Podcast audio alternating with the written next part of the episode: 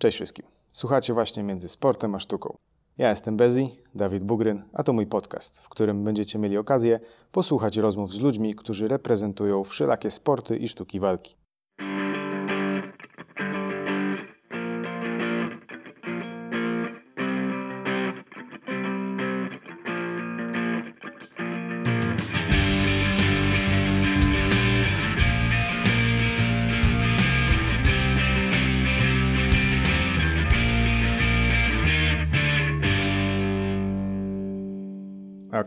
To lecimy. Witam wszystkich słuchaczy. Dzisiaj nagrywamy piąty odcinek Między Sportem a Sztuką. Mm, będzie to rozmowa, której wyczekiwałem z niecierpliwością i na którą bardzo się cieszę, ponieważ e, z moim dzisiejszym gościem porozmawiamy sobie na temat brazylijskiego jiu-jitsu, grapplingu, a są to dyscypliny, które e, bardzo mnie mocno zafascynowały ostatniego czasu. Moim dzisiejszym gościem jest Karol Kawiorski, posiadacz e, czarnego pasa brazylijskiego jiu-jitsu, zdobywca m.in srebrnego medalu Mistrzostw Polski ADCC w kategorii Pro oraz brązowego medalu Mistrzostw Świata w grapplingu. Karol jest również trenerem w MMA Akademii Kraków oraz zawodnikiem w Unity Jiu-Jitsu Kraków. Siemanko. Witam wszystkich serdecznie. Zanim przejdziemy do jakichś bardziej złożonych pytań, może zaczniemy od samego początku. Czym w ogóle jest brazylijskie jiu-jitsu? No tak, no to brazylijskie jiu-jitsu to sport walki, opierający się głównie o e, dźwignie i duszenia i trochę rzutów tak samo. Natomiast nie ma w brazylijskim jiu-jitsu uderzeń, czyli tym to się różni od jakichś kickboxingów innych. Więc no, zadaniem w, podczas walki jest takie skontrolowanie przeciwnika, żeby go można było udusić albo założyć jakąś dźwignię, po której przeciwnik odklepie. A jak to się w ogóle stało, że połączyły się tak dwa odległe, przynajmniej dla nas, światy, dwa krańce świata jak Japonia i Brazylia? A, no to nie, nie, będę udawał, że jestem jakimś super znawcą historii tych sztuk walki. Natomiast japońskie jiu-jitsu, czy też jujutsu, to się różne, różnie się pisze te nazwy, no to jest już taka dosyć stara sztuka walki sięgająca średniowiecza. Z tego co wiem, i to było sztuka walki dla, dla samurajów, niejako dla samurajów, e, obrona, jeśli nie posiadają przy sobie broni. To były różnego rodzaju rzuty, dźwignie, natomiast też w tym japońskim jiu-jitsu są uderzenia. Po jakimś czasie, gdzieś na początku XX wieku, e, wyewoluowało z tego judo. Judo, czyli przede wszystkim, e, przede wszystkim rzuty, walka w stójce i troszeczkę parteru. I później jeden z tych mistrzów judo wyjechał do Brazylii. On się bodajże nazywał Mitsuo Maeda, jakoś tak, nie, nie, będę, nie chcę przekręcić i tam poznał tą słynną rodzinę Gracie i on był pierwszym trenerem Carlosa Gracie i a później Helio Gracie, czyli hmm. tych dwóch, e, dwie postacie, które są uznawane za, za twórców, e, twórców brazylijskiego jiu-jitsu. Czyli oni wzięli właśnie z tego japońskiego jiu-jitsu i z judo, e, no wzięli ten parter, no i i w ten sposób powstało brazylijskie jiu-jitsu i oni to rozpropagowali, no i dlatego stąd też nazwa brazylijskie. Jasne. Czy to jest tak, że oni wykorzystali bardzo dużo tego, tych technik, tego materiału z oryginalnego jiu-jitsu, czy raczej tylko bazowali na ideach, które tam były i tworzyli jakby własne zastosowania? Teraz to już trochę ciężko powiedzieć. Na pewno, na pewno dużo technik jest wziętych z, właśnie z judo, tego japońskiego jiu-jitsu, sporo też zapasów, no i później różne kolejne postaci dokładały jakieś swoje, swoje trzy grosze, więc no, ciężko dokładnie powiedzieć teraz, ile tych procent zostało wzięte z tej oryginalnej sztuki japońskiej. A jak wyglądają obecnie treningi samego brazylijskiego jiu-jitsu? Czy jest dużo m, mm, takiego podejścia na zasadzie, że uczymy się przez sparingi, czy większość treningu to jest jednak jakieś zadaniówki, jakieś konkretne techniki, które przyswajamy, a, tre- a sparingi są tylko uzupełnieniem? Mm, no to standardowy trening jiu-jitsu wygląda mniej więcej tak, że jest rozgrzewka na początek, później, później uczymy się jakichś technik, powtarzamy e, bez, bez oporu partnera. Tak, czyli czy to jakieś tam przetoczenia, czy właśnie te dźwignie, czy duszenia. No i pod koniec są sparingi, które no, odbywają się, to już są normalne sparingi, takie, no nie powiem na 100%, ale prawie na 100% gdzie można sprawdzić właśnie, czy poszczególne techniki działają.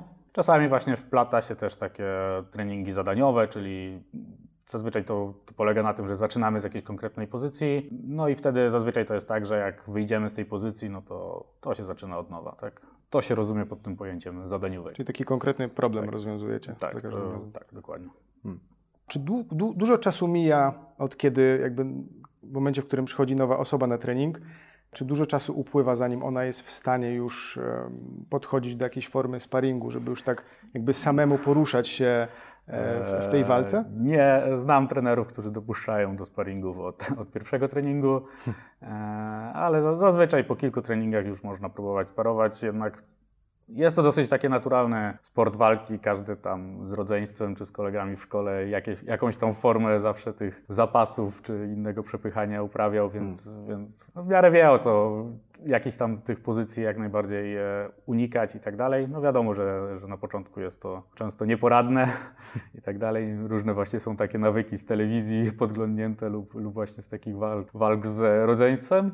Ale no, zaletą tego jest właśnie, że dosyć szybko można zacząć już tak no, walczyć z kolegami na, na mhm. macie tak, czy koleżankami. I zajęcia przeważnie są e, dzielone na poziomy zaawansowania? Czy w sensie, że jak przychodzą właśnie takie nowe osoby, to one raczej nie spotykają tych... To, tych... Jest, to jest trochę zależne od akademii.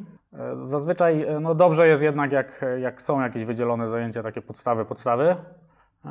Natomiast później to już Różnie, różnie. Niektórzy robią właśnie taką grupę początkującą, średnio zaawansowaną, zaawansowaną, a niektórzy uznają, że powinniśmy trenować wszyscy razem i, grupy są wtedy łączone.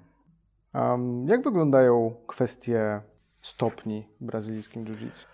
Hmm, stopnie to są pasy i to jest mocno uznaniowe. W sensie nie ma jakichś oficjalnych wytycznych jaki, jakie umiejętności, czy co trzeba umieć, czy, czy ile godzin przechodzić na, na treningach.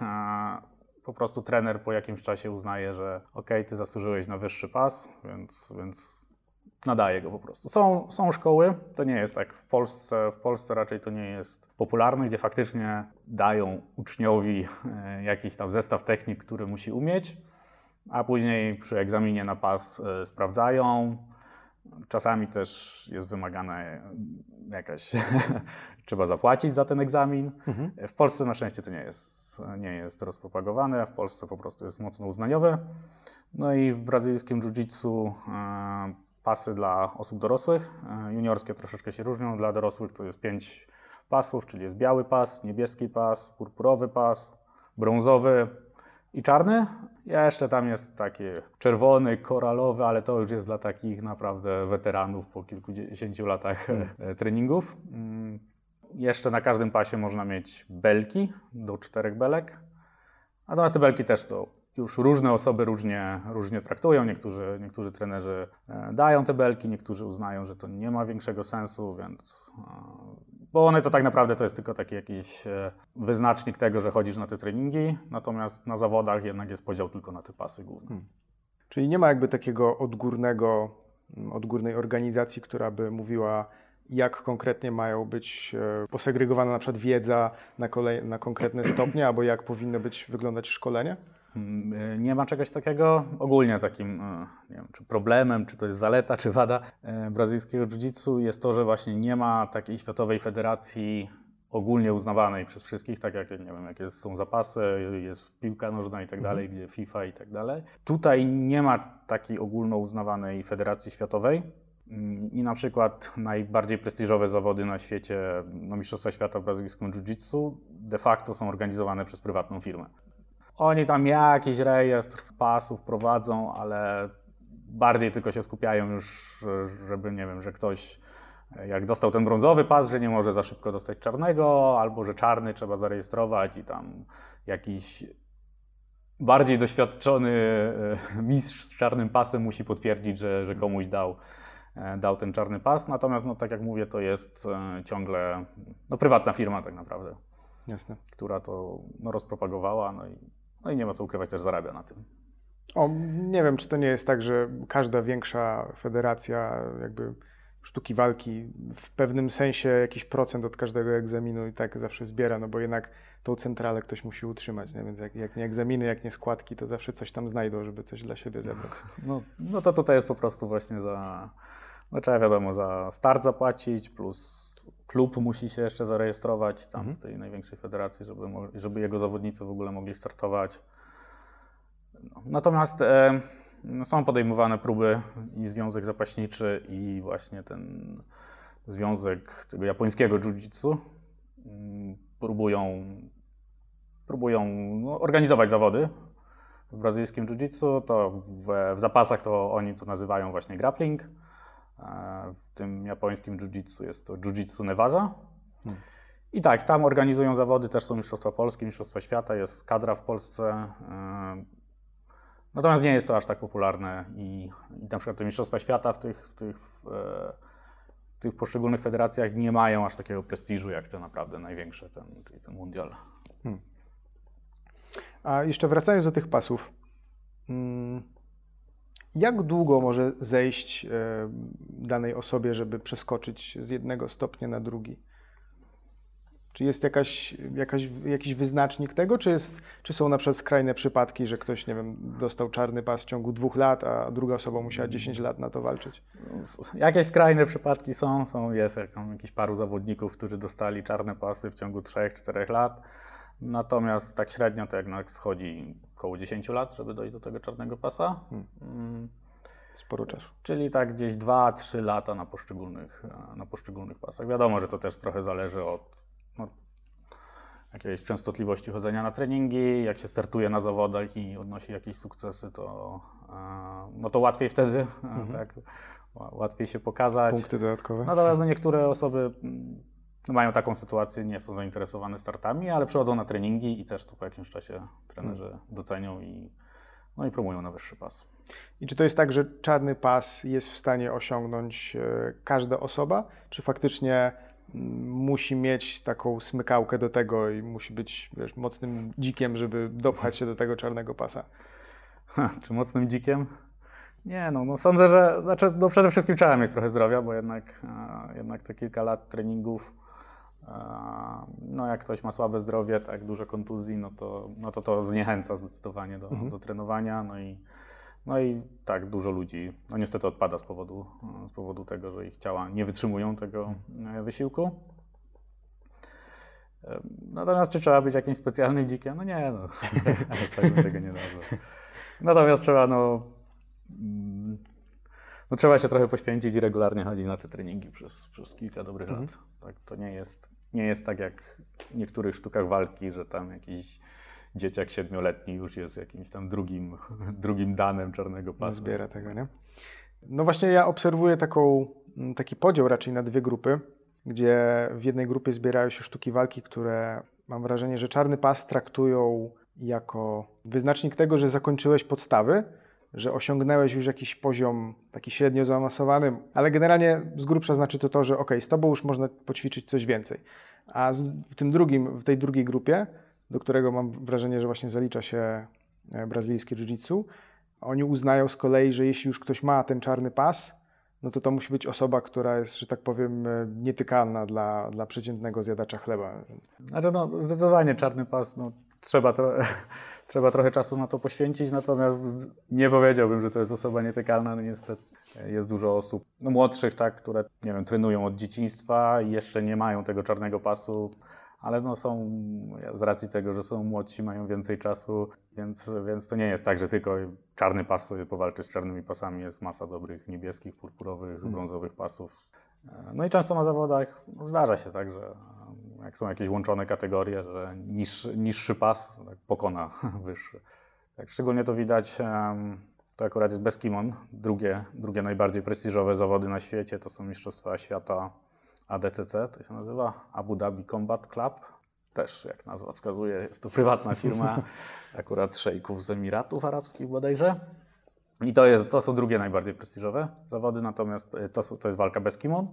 I tam już nie ma jakichś pasów i tak dalej. Jak są zorganizowane zawody w Polsce, no to to są po prostu niby poziomy zaawansowania, gdzie tam się mówi, że jak ktoś ma purpurowy pas, to musi co najmniej w kategorii zaawansowanych, mhm. albo, a czarny to już musi w kategorii pro, natomiast, e, natomiast nie ma w drugą stronę, tak? Czyli jeśli przyjdzie jakiś biały pas, który jest mega mocnym zapaśnikiem, no to spokojnie może startować w jakiejś tam kategorii zaawansowanej czy, czy pro, czy jakiś zawodnik MMA. Tak? No i tam często jest tak, że gość, który nie trenuje niskim łanie, nie ma żadnych wyższych pasów, ale nie wiem, trenował MMA i, i zapasy, no i przychodzi na zawody i wygrywa. Czy tak długi okres mm, osiągania tego czarnego pasa czasem ludzi nie, nie, nie zniechęca. Także, mm, bo często ludzie przychodzą na różne sztuki walki po to, żeby jakby znaleźć sobie może bardziej hobby albo znaleźć jakiś sposób, żeby coś osiągnąć takiego dla siebie e, i nagle dowiadują się, no, że ten symboliczny czarny pas to tak za 10 lat. Nie, nie ma tak wtedy, że jest taka załamka, a to nie, to ja pójdę gdzieś, gdzie dostanę za dwa lata. Nie, akurat tego nie zauważyłem. Natomiast właśnie to jest dobre w brazylijskim jiu-jitsu, że jak są organizowane zawody, to, no to jest sporo tych kategorii, właśnie podział na, na pasy, na, na kategorie wagowe i też coraz częściej, znaczy na świecie to jest już norma, że jest podział jeszcze na, na kategorie wiekowe. No bo wiadomo, jak ktoś jest już trochę starszy, no to trudno, żeby konkurował z, tak, z młodymi, zdrowymi e, kolegami. I to jest fajne, że zaczynasz trenować brazylijskie jiu-jitsu, już po jakimś czasie możesz startować na zawodach, gdzie będziesz startował z ludźmi mniej więcej na tym samym poziomie doświadczenia co ty, a, a nie tak jak, tak jak jakieś zapasy czy inne, gdzie no, tam to musisz trenować od dzieciństwa, żeby w ogóle... Musisz dorównywać do tych tak, najlepszych. Tak, tak. I, no i hmm. Mistrzostwa Polski to Mistrzostwa Polskie i wszyscy najlepsi tam startują i nie ma jakiejś kategorii zaawansowania, więc to jest fajne i na pewno to zachęca ludzi, tak? bo, mhm. no bo jakaś możliwość wystartowania na zawodach jest zawsze taka, e, no to dobrze tak wpływa na, na, motywuje ludzi do pracy. Czy nie ma potem problemu, że skoro jest tyle różnych kategorii, że potem w tych kategoriach startują tam po dwie, po trzy osoby? Zawsze są jakby... Tak, to, to jest jeden z problemów. A, tak. To niestety, no, niestety tego nie, nie da się uniknąć. Coś za coś, tak? Hmm. Natomiast każdy sobie zdaje sprawę mniej więcej, e, no, że jednak ta kategoria czarnych pasów, adult, to jest najbardziej prestiżowa. Tak? Najwięcej osób się tam łapie. Nie? Tak. Hmm. Czy najwięcej, to, to, to nie, ale natomiast wygranie tego jest naj, A, najbardziej okay. prestiżowe. Najwięcej, najwięcej ludzi startuje zazwyczaj właśnie w niebieskich i purpurowych pasach. Hmm. E, tak natomiast, tak jak powiedziałeś, no czasami są problemy z tym, że, no, że w jakiejś kategorii tam się już mniej osób zapisuje. Albo w ekstremalnych przypadkach jedna osoba, co też jest niezbyt fajne. Zapisałeś się, płacisz pieniądze za start i w zasadzie dostajesz medal za nic. Kupiłeś sobie medal, tak? Dokładnie. A powiedz mi, mm, bo wspomniałeś wcześniej, że, że zapasy raczej idą w stronę, znaczy nazywają się grapplingiem i tak dalej. Jak to w ogóle jest właśnie z tymi różnymi kategoriami? Bo brazylijskie jiu-jitsu chyba klasycznie jest w kimonach robione, prawda? Ale jest jeszcze do tego tak, dużo, bezgi, jest dużo, jeszcze grappling, dochodzą do tego zapasy, jest bardzo tak, dużo Dużo, dużo nazw się pojawia. No więc tak, no brazylijskie jiu-jitsu, tak jak powiedziałem, to jest ten sport walki chwyta, chwytany, gdzie tam polega na tym, żeby poddać przeciwnika. Mhm. No i przede wszystkim odbywa, zawody odbywają się w gi, czyli można to nazwać w kimonie. To jest trochę takie kimono bardziej jak w, jak w judo, nie takie tak, ono musi być mocniejsze, żeby się nie podarło, Jasne. nie takie jak w karate. Zostanie w ręce. Tak, w karate jest takie cieńsze, krótsze. Mm. No i oprócz tego jest brazylijskie jiu-jitsu no-gi, czyli bez kimona, czyli w spodenkach. E, no i to przede wszystkim różnica jest taka, że no w kimonie można łapać za to kimono, jest dużo technik wykorzystujących walkę tym kimonem, duszenia i tak dalej, natomiast w tym nogi w ogóle jest zakaz łapania za ubrania, czyli wtedy jest, no, trzeba łapać za ręce, za nogi są różnice na różnych tych organizacjach, e, na przykład jakie techniki są dozwolone, e, jak punktacja wygląda. Grappling ogólnie to jest taka nazwa dla, jako sporty chwytane się mówi. Mhm. Więc, więc to może niektórzy to traktują, że to jest wszystko wrzucone, czyli i brazylijskie jiu-jitsu, i zapasy, i judo. Natomiast ten związek zapaśniczy sobie taką przyjął nazwę, na, żeby tak to nazwać, tą konkurencję jiu-jitsu na zawodach organizowanych przez nich. Więc więc to faktycznie trochę czasami wprowadza zamieszania. Natomiast no, de facto ten grappling organizowany przez, e, przez Związek Zapaśniczy, czy to jiu-jitsu Nevaza organizowane przez japońskie jiu-jitsu, no to to jest brazylijskie jiu-jitsu, ewentualnie z różnicą, że inaczej punkt, punktują jakieś poszczególne pozycje. Czy te wszystkie rzeczy mają mocny jakby taki wspólny mianownik? W sensie, że jeśli jesteś w jednej z tych kategorii dobry? Czy to też przekłada się na to, że będziesz sobie całkiem nieźle radził w, w innych mm. kategoriach, czy jednak tutaj specjalizacja Znaczy, no tutaj jest różnica jest jedynie między tym, czy walczysz w kimonie, czy bez kimon. To, czy walczysz bez kimon we, w grapplingu, czy w brazylijskim jiu-jitsu, to już są jakieś tam naprawdę niuanse. Hmm. Natomiast w kimonach bez kimon no jest trochę różnicy. E, są zawodnicy, którzy trenują tylko, tylko w kimonach, są zawodnicy, którzy trenują tylko bez kimon, a, a jest wielu też, którzy trenuje w tym i w tym. No jak ktoś jest dobry w jednym, to raczej, raczej sobie poradzi też w tej hmm. drugiej kategorii, więc, więc tak. jest wspólny mianownik zdecydowanie. Czyli to swoistość jednak jest dość duża. A jak w ogóle wy wyglądają e, od strony zawodniczej właśnie turnieje, zawody w brazylijskim jiu-jitsu? To znaczy? Jak na przykład, e, na jakich zasadach walczycie, e, jak jest zdecydowane, kto wygrywa, oczywiście oprócz poddania, no bo to jest oczywiste. Mm, No to tak, powiedzmy na tej najbardziej rozpowszechnionych zasadach, czyli ta federacja się nazywa IBJJF.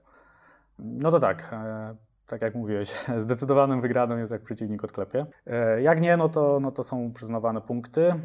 I to jest tak, że w kategorii białych pasów walka trwa 5 minut, niebieskich 6, purpurowych 7, brązowych 8 i w czarnych pasach walka trwa 10 minut. No i punkty są tak, za, za obalenie, za przejście gardy, czyli tak jakby ominięcie nóg, nóg przeciwnika i przy- przykontrolowanie partnera, za e, dosiad, czyli, no, czyli wejście na partnera, jak jest rozłożony na plecach, e, za pięcie się za plecy jego, co tam jeszcze? I za przetoczenie, czyli jak byłeś z dołu no i przytoczyłeś partnera. No i za to są punkty mm, za poszczególne pozycje, no i, no i na koniec walki, tak po tym czasie, mm, no kto ma więcej punktów, ten wygrywa.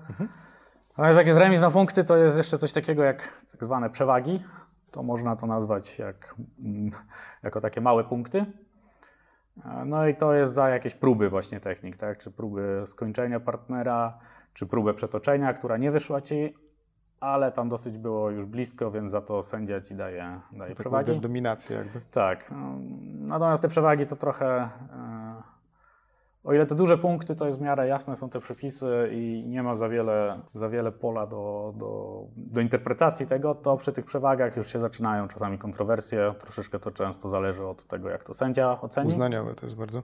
Znaczy uznaniowe. Niby w przepisach jest to dosyć jasno wytłumaczone, natomiast w praktyce, no, w walce to no, często jest na tyle chao- chaosu, niejasnych sytuacji, że, że wtedy to jest, czy sędzia uznał, że to było faktycznie próba poddania, czy ty tylko tak ściemniałeś, że chciałeś coś zrobić. E, natomiast no, te przewagi dalej są, znaczy jak jest remis na te duże punkty, no to wtedy o zwycięstwie decydują przewagi.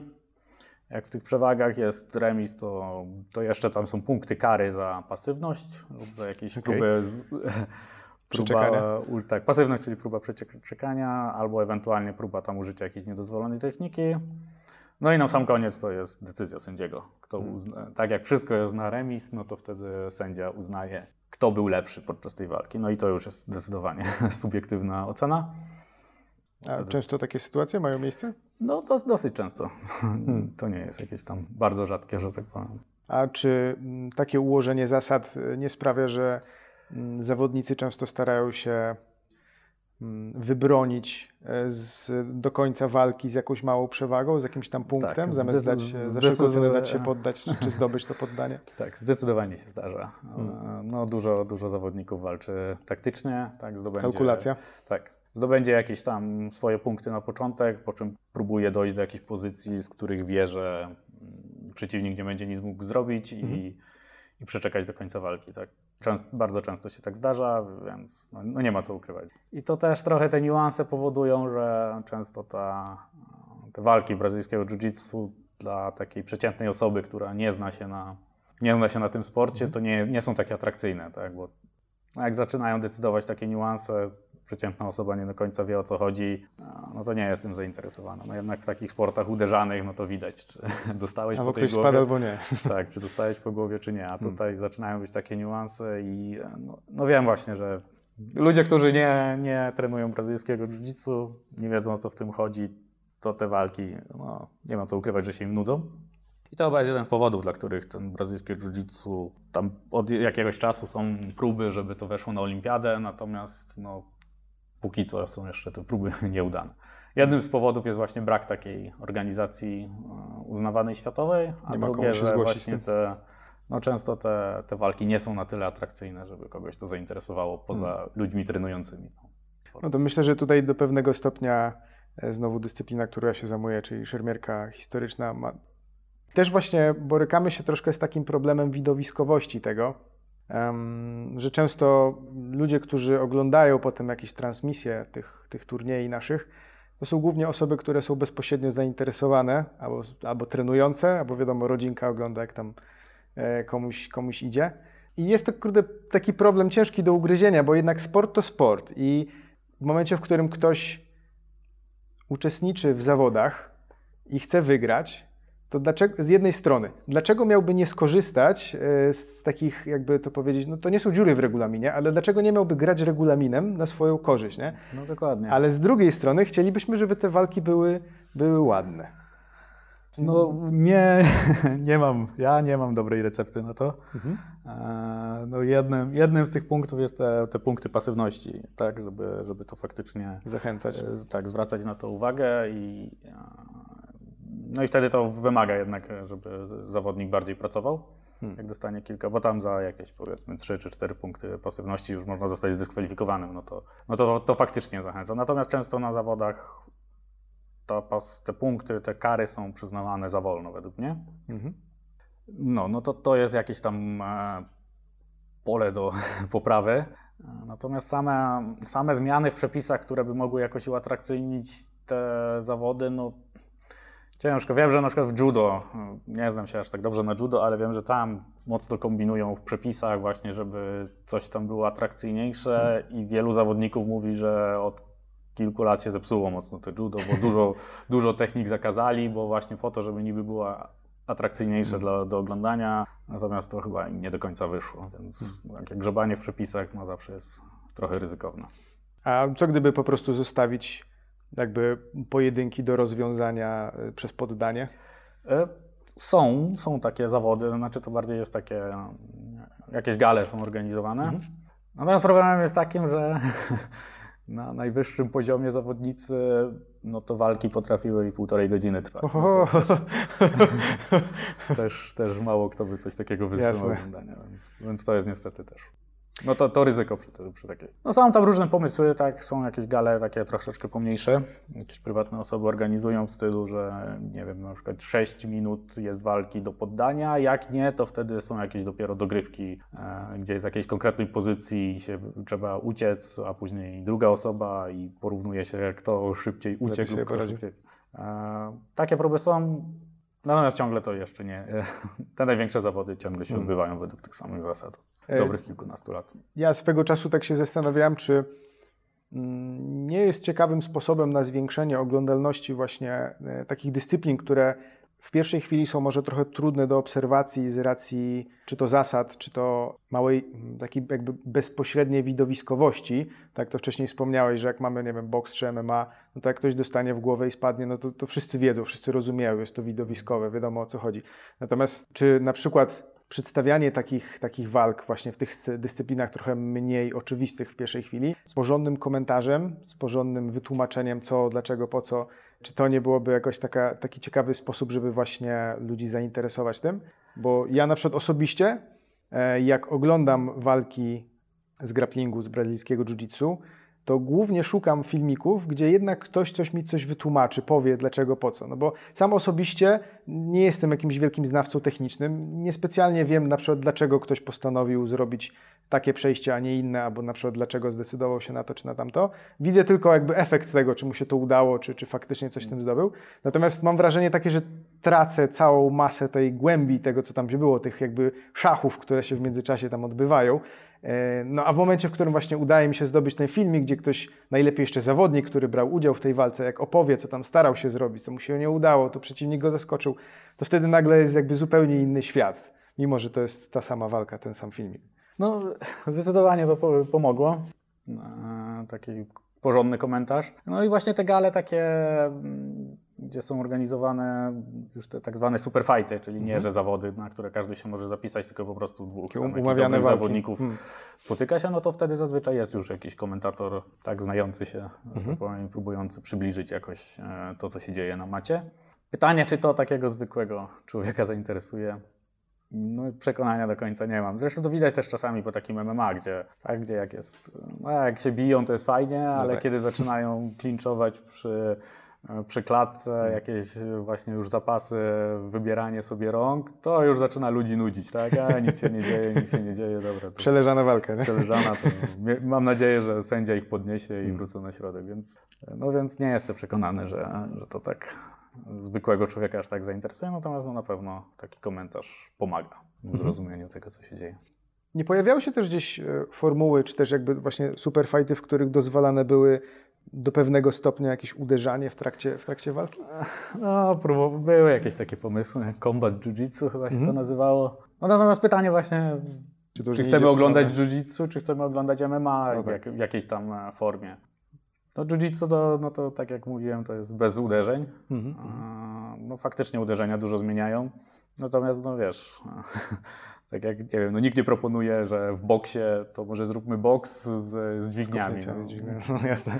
No to już jest jakaś tam forma MMA, więc, więc tak. Były takie próby, jakoś się to bardzo nie przyjęło na ten moment. No wiadomo, teraz też jest ten cały, cały okres, gdzie, wszystko eventów jest dużo mniej, jasne. mniej organizowanych. No i tak było, pamiętam, że ludzie się wtedy cieszyli, że faktycznie o combat jiu-jitsu, po czym wszyscy najlepsi zawodnicy, którzy byli na początku zapowiedziani na tą galę, to tak powoli odpadali, odpadali Tak? i w końcu tak, i w końcu zostali Zrezygnowali? tak, jacyś mniej znani zawodnicy zostali. Imprezy Czyli nie byli przekonani do tego. No chyba nie. A powiedz mi, czy na zawodach e, jest większe prawdopodobieństwo złapania jakiejś kontuzji? Czy ludzie bardziej się tutaj rzucają w wir walki niż, niż na co dzień w treningach? Tak, tak, no zdecydowanie. Tak, na zawodach już no, w większości nie ma jakiegoś tam odpuszczania. No i też zaczyna działać trochę adrenalina, tak, nie, od, nie odklepię tej dźwigni. Wytrzymam. No, tak, no i czasami się to niestety źle kończy. Dużo osób się decyduje, żeby brać udział e, w zawodach? W sensie, biorąc pod uwagę, ile osób jest na treningach? Tak, żeby raz w życiu wziąć udział w zawodach, to, to duża, duża część osób. Skuszą się. Natomiast tak regularnie, no to, no to to nie, raczej nie większość trenujących. Tak procentowo nie, nie prowadziłem takich statystyk. E, natomiast tak, no, żeby spróbować raz w życiu, to, to większość ludzi się decyduje. I ja też zachęcam do tego, bo jednak takie przeżycie takiej walki, czy wzięcie udziału w zawodach, to jest zupełnie inne doświadczenie niż takie trenowanie na macie. Ciekawe, stresujące, natomiast no, to jest to zupełnie co innego, tak?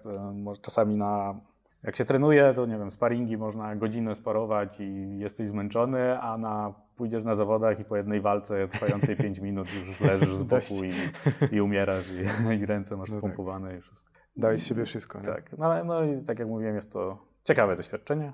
Zachęcam każdego, żeby sobie spróbował, natomiast no, nie ma jakiegoś przymusu. No, każdy ma różną sytuację życiową. Niektórzy lepiej znoszą stresy, niektórzy gorzej, niektórzy po prostu sobie nie mogą pozwolić, żeby na, tak, mają rodziny, żeby na weekendzie gdzieś tam jechać. No i wiadomo, z, im dłużej trenujemy, jesteśmy na jakimś wyższym poziomie, no to też trzeba się trochę jakoś lepiej przygotować do tych zawodów, na co też nie każdy może sobie pozwolić. Właśnie o to też chciałem zapytać. Czy każda osoba, która jest e, już jakimś wyższym pasem w jiu-jitsu, e, dobrze radzi sobie też na zawodach? Czy to jest raczej tak, że do zawodów trzeba się już wyspecjalizować? Nie, nie jest tak. Nie, Niestety e, to trochę nas takie codzienność dużo osób dopada. No i wiadomo, trzeba pracować. Mało jest osób w Polsce żyjących z jiu-jitsu, czyli których można nazwać profesjonalistami. E, Jest kilku, natomiast no mało. No i wiadomo, jak nie możesz, tak jak musisz siedzieć te 8 godzin w pracy, później idziesz na trening, no to nie zawsze masz siłę, nie zawsze ci się chce, e, nie masz też czasu na tą dobrą regenerację, nie mówiąc już o tym, że ci najle- najlepsze osoby na świecie no to trenują więcej niż raz dziennie, a tak do tego dokładają jakieś treningi na siłowni, czy jakieś jogi, czy jakieś fizjoterapię.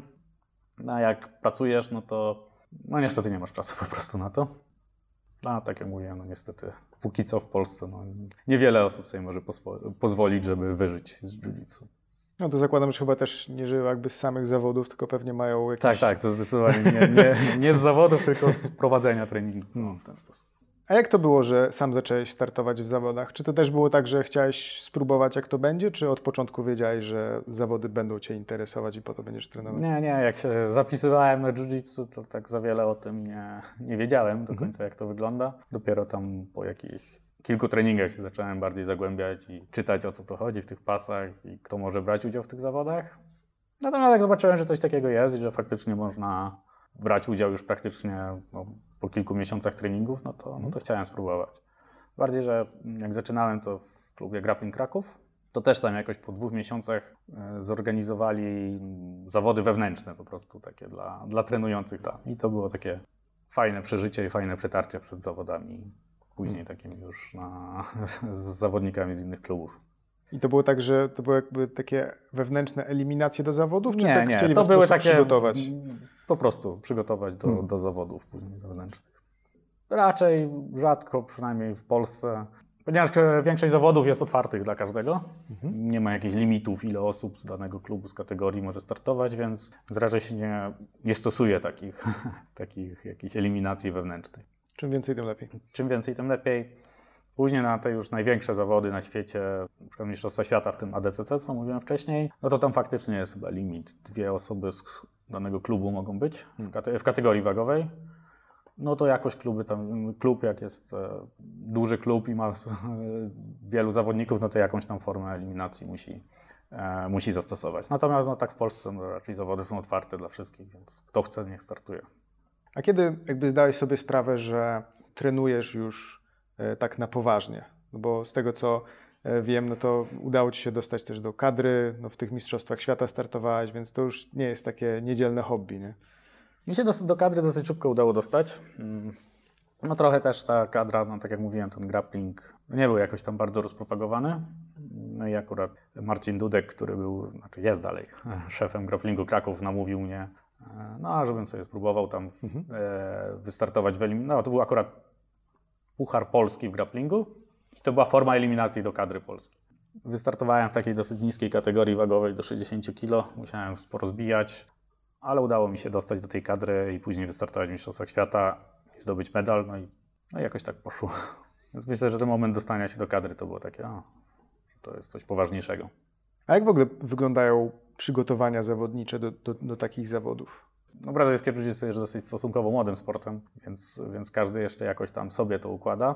Nie jest tak, że to jest jak, nie wiem, jakiś klub piłkarski, gdzie masz... E, Szkoleniowca. Tak, gdzie masz cały sztab trenerski, który ci wszystko układa, więc no jakoś samemu trzeba sobie, oczywiście trener chętnie w tym pomoże, no ale nie zmusi, nikt nie, nie podpisuje żadnego kontraktu, że musisz przychodzić na te treningi, no to tak. jednak to, to twoja, twoja jakaś motywacja. No i co, no trzeba przychodzić na treningi, tak naprawdę ważnym też kwestią jest tego, w jakiej kategorii wagowej się występuje, bo wtedy trzeba odpowiednio, odpowiednio dopasować. Zazwyczaj trzeba troszeczkę tej wagi zrzucić przed zawodami, jakąś tam dietę sobie dopasować, no i wymyślić, zdecydować, ile tych treningów w tygodniu jesteś w stanie zrobić, czy to czasowo, czy też po prostu ile Twoje ciało wytrzyma treningów. Natomiast, to, tak jak mówiłem, to jeszcze jest młody sport na tyle, że nie ma jakichś tam odgórnie ustalonych zasad, ile trzeba trenować przed, przed danymi zawodami. A to zbijanie wagi jest raczej kwestią taką, że e, starasz się wbić do jak najniższej kategorii, żeby mieć tą przewagę siłową, czy coś innego tutaj wchodzi w grę? Trochę tak, e, różnie do tego ludzie podchodzą. Nie jest to raczej aż tak ekstremalne jak w MMA się słyszy, że tam po 20 kg potrafią rzucać.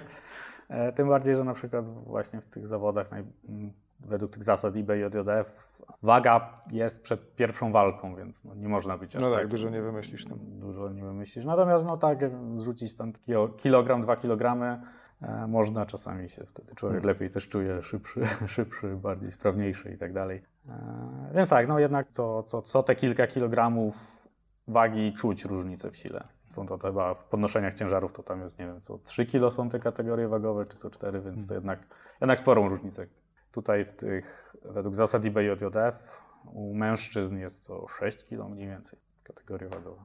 I faktycznie to jest tak, że jeśli ktoś nie wiem, nie wyrobi z tą wagą, czy, czy mm, zrezygnuje z tego i wystartuje w tej e, kategorii bez, bez cięcia wagi, to faktycznie jest już skazany na porażkę, czy to jest po prostu jeden z elementów, który nie, wpływa na to? Jeden z elementów. No, to też działa w dwie strony, jak jesteś osłabiony, bo przez ostatni tydzień nie jadłeś węgli, węgli albo odwadniałeś się, co też osłabia, no to no też zdecydowanie nie wpływa, nie wpływa dobrze na ciebie i dlatego niektórzy zawodnicy to w ogóle mają w nosie. Mają w nosie i mówią, że startują w tej kategorii, ile ważą na co dzień hmm. i przez to przynajmniej nie przechodzą tych, nie muszą się męczyć tak, z jakimiś no tak, dietami. No tak. Bo z tego co kojarzę jeszcze generalnie w zawodach nie ma faz grupowych, prawda? Od razu już jest drabinka. No, raczej tak. Hmm. No to tym bardziej byłoby trochę smutno, jak tam gdzieś przez, nie wiem, pół roku ciśniesz tą uwagę, żeby jak najmniej, jak najmniej, jak najmniej, a potem w pierwszej walce jeszcze nie daj Boże odpadniesz, to... No nie no, pół, pół roku ciśnięcia wagi to zdecydowanie to raczej się robi w dwa, trzy tygodnie. No to, sorry, moja niewiedza. Pół roku to po prostu możesz schudnąć, no ale tak, to tak, tak. to już się nie nazywa cięcie wagi. Hmm.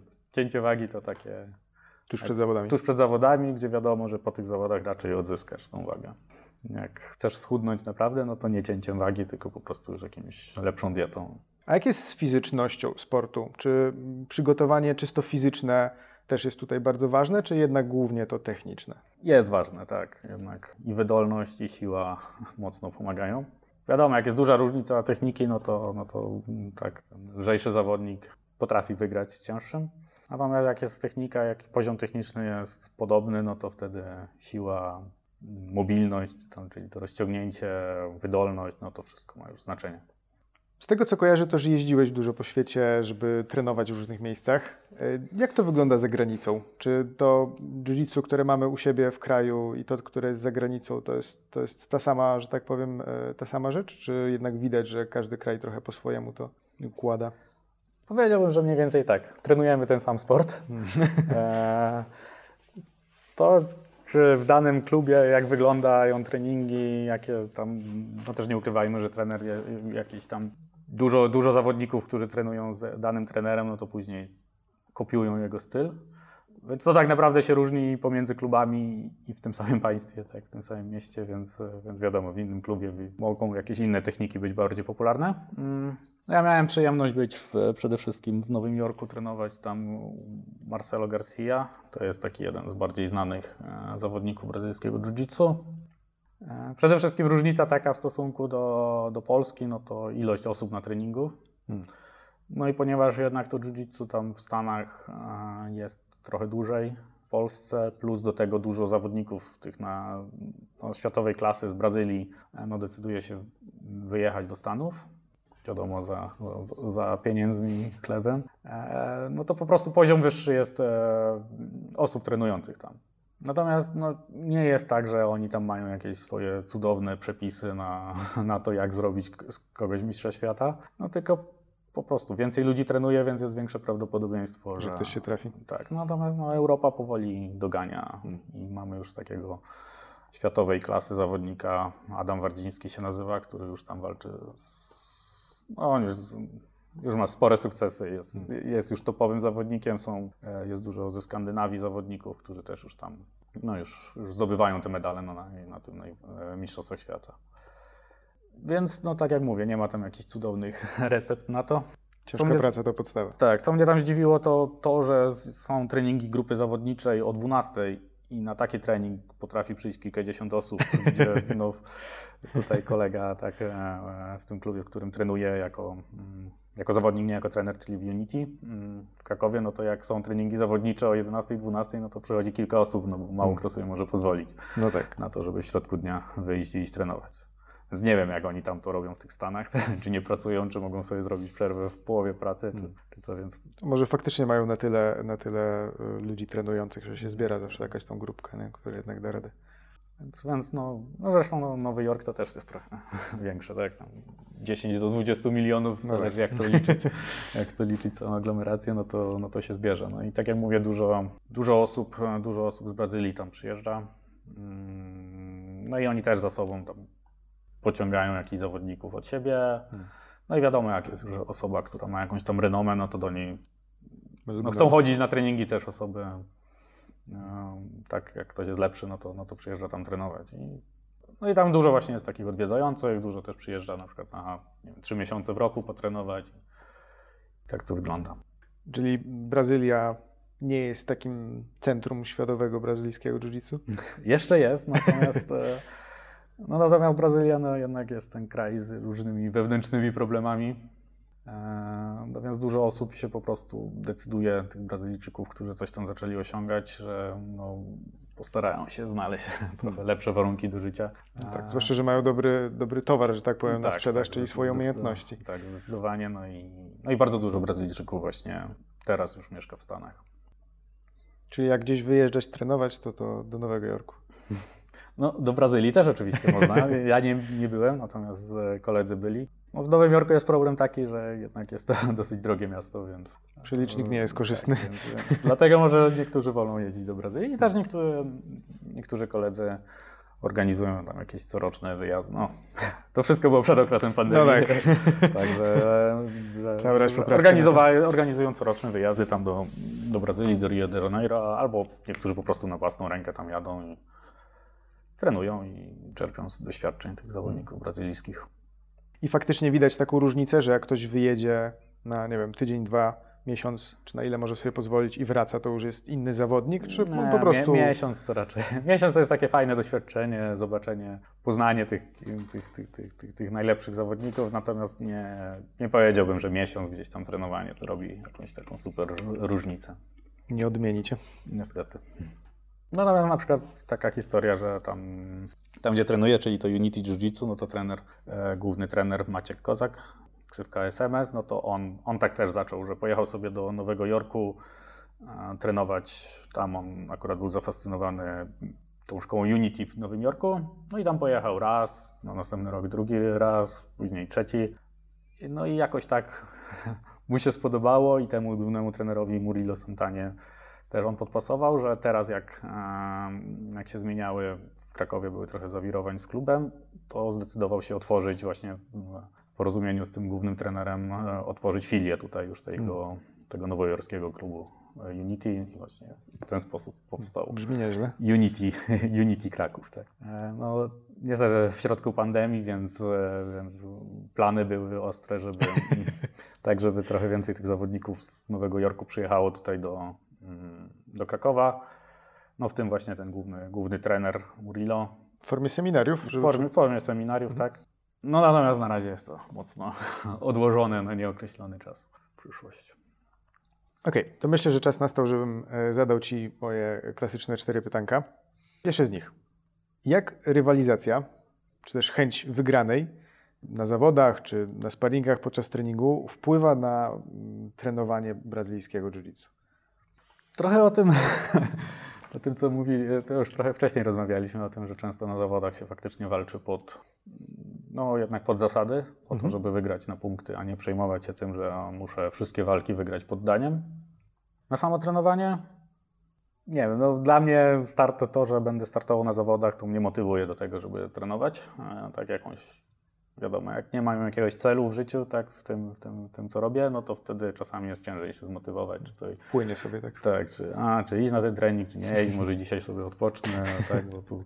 Natomiast no, jak wiem, że mam te zawody, no to jednak wtedy, wtedy motywacja jest zdecydowanie, zdecydowanie większa.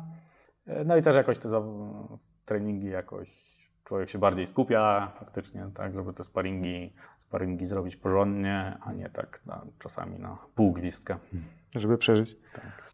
A czy nie ma czegoś takiego, że osoby, które są mocno zafiksowane, e, żeby nawet na tych treningowych sparingach za wszelką cenę tam kogoś poddać, żeby go odpalić, nie tracą na dłuższą metę tego, że nie uczą się nowych rzeczy albo nie dają się gdzieś złapać na jakiejś w gorszej pozycji, w gorszej sytuacji? Mm, tak, czasami, czasami tak bywa, dlatego trenerzy też często, jak widzą taką osobę, która, nie wiem, ma jakieś jedno kończenie, którym wszystkich na treningach poddaje, natomiast później jedzie na zawody i spotyka się z kimś, który wie, jak obronić tą pozycję i nagle tak, wtedy panika, bo nie wiadomo co zrobić, no to, no to czasami jest to już taki gestii trenera, żeby starać się jakoś wyprowadzić go. tak, wyprowadzić, starać się jakoś, żeby, żeby trochę, tak, żeby spróbował czegoś innego. Oczywiście to jest taki przykład dosyć ekstremalny, ale, ale tak, zdarza, zdarza się tak i no i często też jak na przykład mm, no, osoba już bardziej doświadczona walczy z jakimś początkującym, no to tak nie ma sensu, żeby zgnieść go od razu, szybko poddać no to wtedy tacy zawodnicy często po prostu oddają pozycję na początek, no i później sobie ćwiczą jakieś wychodzenia z jakichś, z jakichś takich pozycji zagrożeń. Czyli Taką, też są tak. w stanie wtedy wyciągnąć coś z tej walki? Tak, dokładnie. Tak. No bo wiadomo, jak, jak osoba cięższa, szczególnie bardziej doświadczona, w jakiegoś tam młodego, młodego gościa wiedzie, no to, no to nie, nie, nie, daje taki sparring za wiele dla takiej osoby.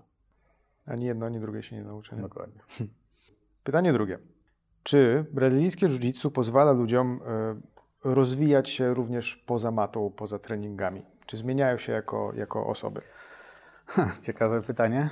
E, znaczy przede wszystkim brazylijskie jiu-jitsu to jest taki sport walki. Tam nie ma jakiejś głębszej filozofii czy medytacji, więc bardziej bym to potraktował jako, jako formę sportu, tak, wysiłku fizycznego, coś jak, nie wiem, jak chodzenie na siłownię no jak chcesz sobie chodzić tak na siłownię i przerzucać trochę ciężarów y, i, i, nic więcej z tego nie wynieść, no to możesz, tak? Natomiast jak chcesz czuć jakiś progres i tak dalej, no to trzeba to sobie trochę w głowie plan zrobić, ułożyć. Y, no i wiadomo, potrzebna jest do tego regularność jakaś, plus dochodzą inne rzeczy, czyli dbanie na przykład o dietę swoją, czy tam właśnie o, ten, o, regenerację, więc pod takimi względami tak, wiele osób, które zaczyna trenować, to później właśnie się zaczyna interesować dietą, zaczyna się właśnie jakimś przygotowaniem fizycznym, e, więc pod tym względem pozwala na rozwijanie. Natomiast no, to jest po prostu uprawianie sportu, nie jakichś tam filozoficznych myśli bym pod to nie podczepiał. Czyli trener nie zatrzymuje treningu i nie uczy ludzi jak żyć? E, nie, i, to, i to wręcz bym zniechęcał do tego, bo czasami jest takie, e, tak w niektórych klubach poczucie, że jak ktoś jest czarnym pasem w brazylijskim jiu-jitsu, to jest też czarnym pasem w życiu, co no tak. Często nie do końca jest prawdą. To, to okej, okay, to jest takie, tak, że jak ktoś jest autorytetem w jednej dziedzinie, to wcale nie znaczy, że jest autorytetem w drugiej. E, to się tyczy oczywiście nie tylko brazylijskiego jiu-jitsu, tylko teraz zresztą wiele, ego bywa, ego wiele bywa, przykładów tak w różnych. Teraz każdy jest specjalistą od, od, epidemiologii czy od innych tych. Dokładnie. Albo po każdym tak, meczu polskiej reprezentacji. Każdy, każdy wie, co trzeba było jest, zrobić. Każdy jest. tak, więc, więc z tym trzeba uważać. Czarny pas w brazylijskim jiu-jitsu. Z czarnym pasem w brazylijskim jiu-jitsu. Wracając jeszcze bezpośrednio do tego pytania, y, ja też często spotykam się z tym, że ludzie zachwalają sobie e, właśnie treningi e, jiu-jitsu, e, kulanie się, że to jest jakby taka najlepsza terapia dla głowy, że jak oni wychodzą z treningu, to świat jest wspaniały i wszystko jest, jest no tak. świetne, że wszystkie problemy jakby znikają na jakiś czas. No jest to mocny wysiłek fizyczny, więc faktycznie jak tam no, no, walczysz o oddech, czy, czy, tak, czy walczysz ze swoim ciałem, no to nie myślisz wtedy o problemach życiowych. No, tak. no i to jest też fajne w brazylijskim jiu że te sparingi są faktycznie takie no, no na 95% praktycznie co, mhm. co, co trening można sparować to jest trochę lepsze niż w tych sportach uderzanych, gdzie jednak no, ciężko sobie wyobrazić, że co, co trening byś... Kończyć nokautem. Tak, no. Więc tutaj, tak, tutaj a, walczysz, możesz klepać, nic ci nie jest, wstajesz i zaraz możesz walczyć dalej. Więc to jest, to jest zaleta zdecydowanie brazylijskiego jiu-jitsu. Kolejne pytanie. Czy sporty i sztuki walki mogą działać razem? Pamiętam, że z kimś miałeś tę dyskusję, co to właściwie jest sport walki, a co to jest sztuka walki. No w sumie o to się rozbija. I chyba każdy ma jakąś swoją definicję. Dla mnie sport walki to jest coś takiego, gdzie uczysz się rzeczy, które później właśnie podczas sparingu czy podczas zawodów mają działać. Mhm. Nie ma do tego tej takiej dodatkowej filozofii medytacji, czy tam na przykład w karate często są różne mm, te formy kata, to się nazywa, które Dokładnie nie mają na tyle celu działania faktycznie, tylko to są jakieś takie tradycyjne, które się trzeba nauczyć, bo, bo jakiś tam mistrz by kiedyś wymyślił. No to w brazylijskim jiu-jitsu tego nie ma. Ja na przykład osobiście nie czuję jakiejś potrzeby, żeby, żeby jakieś tam żeby formy sztuk walki, sztuk walki była tam. Więc co kto lubi? Wiem, że no niektórzy lubią tą taką, takie podejście bardziej duchowe, tak jak, tak jak jogę też niektórzy uprawiają po to, żeby to żeby po prostu poprawić jakieś swoje e, rozciągnięcie mobility, a niektórzy podchodzą do tego właśnie jako wyciszenie Sposób takie życia. duchowe, że trzeba rozpocząć od tam jakichś kilkunastu wdechów i, i zakończyć jakimiś tam przemyśleniami na, na temat życia. No i co kto woli. No ja, ja tam nie czuję potrzeby, żeby wprowadzać tą duchowość do, do, do brazylijskiego jiu No i ostatnie pytanie z czwóreczki. E, jakie było pierwotne zastosowanie, czy też cel e, w brazylijskim jiu-jitsu, a jak to wygląda teraz? Ha, no to ta, ta historia tego Helio Gracie, on chciał, on chciał tam udowodnić, że właśnie osoba mniejsza także ma szansę samą techniką pokonać osobę e, cięższą, silniejszą. Czasami mu się to udawało, czasami nie. Oczywiście wokół tej osoby już sporo legend narosło. To już są jakieś tam tematy dla historyków. Jak u każdego założyciela mm, tak, tak, stylu. Tak. No i też, też tam ta samoobrona była jakimś ważnym elementem brazylijskiego jiu-jitsu. Natomiast teraz w tych klubach, gdzie ja miałem przyjemność trenować, to o jakimś samoobronie nie... Nigdy w życiu nie byłem na zajęciach, gdzie to była samoobrona jako samoobrona przed, nie wiem, jakimś napastnikiem, który cię zacznie uderzać albo z nożem. Tylko to po prostu był trenujemy brazylijskie jiu-jitsu, czyli to, co hmm. działa w brazylijskim jiu-jitsu. Może to lepiej, może nie. Może nie ma co udawać, że po jednych zajęciach z samoobrony i będziesz się potrafił faktycznie obronić. Tak, żeby nie tworzyć też jakiejś fałszywej No tak, to, to jest ważne podejście, zwłaszcza, że samoobrona jest no, delikatnym tematem, bo, bo faktycznie zdarzają się sytuacje, gdzie ktoś organizuje jakieś seminaria, właśnie takie samoobrony na zasadzie, no dobra, to ja cię w dwie godziny nauczę, jak sobie poradzić z kimś, kto będzie miał tak. nóż, nie? Zamiast brać nogi za pas i spieprzać po prostu gdzie się da, to ktoś będzie próbował Osobiście potem tak się... uważam, że najlepszą sztuką walki do samoobrony to jest Uciekaj do. no. e, Więc no... I teraz tam e, zdarza się, że hmm, szczególnie niektórzy członkowie tej rodziny Gracie mówią, że, że jiu-jitsu straciło ten swój pierwotny zamysł samoobrony. No cóż, po prostu wyewolu- wyewoluowało w tą stronę. Jiu-jitsu jest o tyle ciekawe właśnie, że często są zarzuty, że tam jakieś się pojawiają teraz nowe pozycje w jiu-jitsu, że one nie mają przełożenia na, na właściwą walkę i że Na jakby ulicę. były uderzenia, tak, na ulicę albo na, pod MMA, że jakby były uderzenia, no to, no to ta pozycja by była zupełnie nie, nieprzydatna. No to jest taki dziwny zarzut, no bo nie wiem, w boksie nikt nie, nie, nie mówi, że a boks, ale co z tego, skoro się nie bronisz przed kopniakami, no bo, Bo się trenujesz nie broni. boks, tak, bo trenujesz boks. No. no to tak jakby powiedzieć, że MMA nie ma zastosowania, bo co jakby ktoś pistolet wyciągnął. No, No tak. No to wiadomo, zawsze ktoś tam będzie miał jakieś dziwne Zawsze się swoje... jakiś purysta trafi. Purysta trafi, a wiadomo, że do tego też dochodzą jakieś tam kwestie promocji swoich, tak, że e, jiu-jitsu zatraciło te swoje tradycyjne wartości, ale jak przyjdziecie do mnie na zajęcia, to, dowiecie. to się dowiecie. No i E, Chciałem Cię zapytać, jak w ogóle zaczęła się Twoja przygoda z brazylijskim jiu-jitsu? To tak. e, Sporty tak e, od dzieciństwa lubiłem. Mm, Gdzieś tam w młodości chwilę trenowałem piłkę nożną, później dużo grałem tak sobie amatorsko, natomiast chyba trochę umiejętności brakowało na jakąś większą karierę.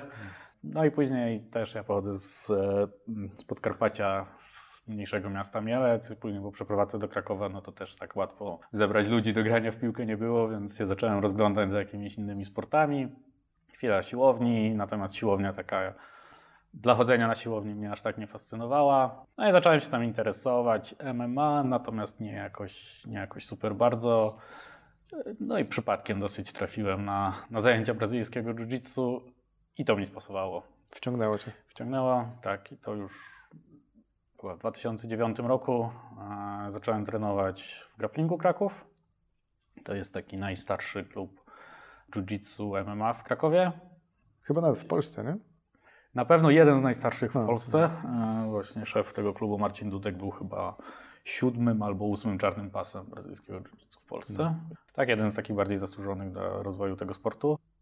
I po bodajże pięciu, sześciu latach bracia właśnie Janek i Maciek Szczudrawa mm, postanowili pójść swoją ścieżką. Oni byli trenerami w tym grapplingu Kraków, postanowili pójść swoją ścieżką i założyli klub Phoenix, e, który już e, m, tak jakby skupiał się tylko na brazylijskim jiu-jitsu, bo w grapplingu oprócz jiu-jitsu jest tam cała sekcja MMA, dosyć też prężnie działająca. e, MMA, boks, kickboxing i tak No i wtedy zdecydowałem się przejść do, do tego klubu Phoenix. No i ten klub działał sobie kilka lat, no i teraz w związku z pandemią i z tym właśnie, że e, cele życiowe Janka i Maćka się zmieniły, e, no to postanowili zamknąć, e, zamknąć ten klub i troszeczkę na bazie tego klubu powstał nowy Unity Jiu-Jitsu, gdzie głównymi trenerami jest, są Krzysiek Flak i Maciek Kozak, którzy też tak oczywiście byli trenerami w Feniksie. Tam trenuję jako zawodnik, nie prowadzę tam treningów, tylko przychodzę potrenować i uczyć się. E, No i ostatnio właśnie dwa miesiące temu zacząłem prowadzić treningi w nowym klubie MMA Akademii założonym przez, mm, przez Bartka Kowala. No i to jest klub, który tam łączy też już e, brazylijskie jiu-jitsu, MMA, kickboxing, zapasy. No i Bartek zaproponował, ponieważ trenowaliśmy razem w Feniksie, no i Bartek zaproponował mi, żebym tam poprowadził treningi, no i uznałem, że może to być jakieś tam ciekawe doświadczenie i też jakaś szansa na rozwój. I to był e, pierwszy raz, kiedy zacząłeś prowadzić e, grupę, czy wcześniej już E, miałeś okazję trenować? w Feniksie prowadziłem tak powiedzmy na zastępstwo, jak akurat nie było trenerów, no to wtedy, wtedy prowadziłem, natomiast nie miałem żadnej takiej swojej grupy na stałe. I jak Ci się podoba rola trenera? No, ciekawe doświadczenie, na początku trochę stresujące. E, Jest, jest fajnie, tak? Jest to jakieś no, troszeczkę, troszeczkę co innego niż tylko trenowanie, a jednak jakaś tam większa odpowiedzialność. No, też jest dobrze, bo to motywuje, tak? Tu już nie mogę sobie pozwolić, że a nie chce mi się jechać na trening, no bo no, prowadzę te treningi. Słuchajcie, więc... poprowadźcie sobie dzisiaj trening sami, nie? Tak, więc, więc, więc jestem zadowolony już, mm, że przyjąłem tą ofertę i, i No i mam nadzieję, że zawodnicy też są zadowoleni, którzy przychodzą na treningi. Co prawda może ten okres nie jest jakiś mega długi, bo to dwa miesiące, tak jak wspomniałeś, ale e, czy czujesz, że mm, wpływa to też to na ciebie jako na zawodnika, to, że prowadzisz, że uczysz innych? Myślę, że trochę tak, bo mm, tak muszę się skupiać mocno na tym, żeby jednak jak pokazuję te techniki, no to żeby je pokazywać zgodnie z tam, tak wszystkie szczegóły jednak pokazywać prawidłowo. Mm. No i też wiadomo, ja jako tam już osoba, która trenuje dłużej, też jakoś tam mam swoje techniki, które, które preferuję podczas walki, bo wiem, że tak te mi bardziej wychodzą, te są bardziej pasujące do mojego tam, e, do mojego stylu czy do moich warunków fizycznych. Natomiast jak pokazuję innym techniki, no to jednak nie mogę się tylko skupiać na tym, co mi się podoba, więc muszę też tak sobie przypominać i rozwijać ten swój warsztat i jednak pokazywać techniki, które podpasują innym osobom, a nie tylko mi. Jak, jak w ogóle mm, radzicie sobie teraz w, w tej sytuacji pandemicznej? Mimo wszystko ludzie e, chodzą? Jest, jest, jak to, jest z kim prowadzić treningi, że tak powiem? E, tak, no e, przed, przed pandemią było bardzo dużo ludzi, przychodziło. No troszeczkę na fali też tego MMA się zaczęło robić coraz bardziej popularne i tak już czasami miejsca na sali brakowało. Hmm.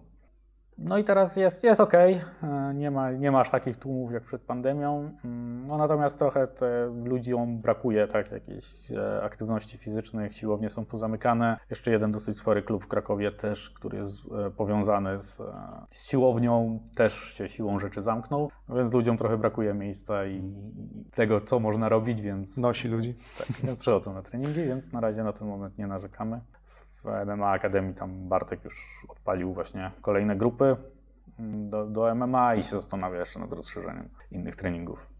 No to super, cieszę się, że się udaje to trzymać mimo, mimo tej niekorzystnej sytuacji. Mimo, mimo tych dziwnych czasów, w których żyjemy. A w ogóle dużo osób przychodzi na właśnie na mm, jiu-jitsu w ramach takiej suplementacji do MMA, czy, czy jednak większość osób przychodzi na jiu-jitsu, bo chce trenować jiu-jitsu? Raczej w tym MMA Akademii to tak, to dużo ludzi jako suplementacja a MMA.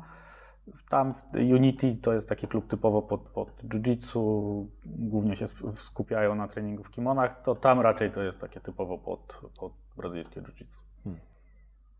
Dobrze, to myślę, że e, nasz czas powoli się kończy. Bardzo Ci dziękuję za tą rozmowę. Cieszę się, że w końcu udało mi się zrealizować e, jakąś pogawędkę z kimś e, z chwytanych sportów walki. Dzięki też. Dobra, to do usłyszenia. Do usłyszenia.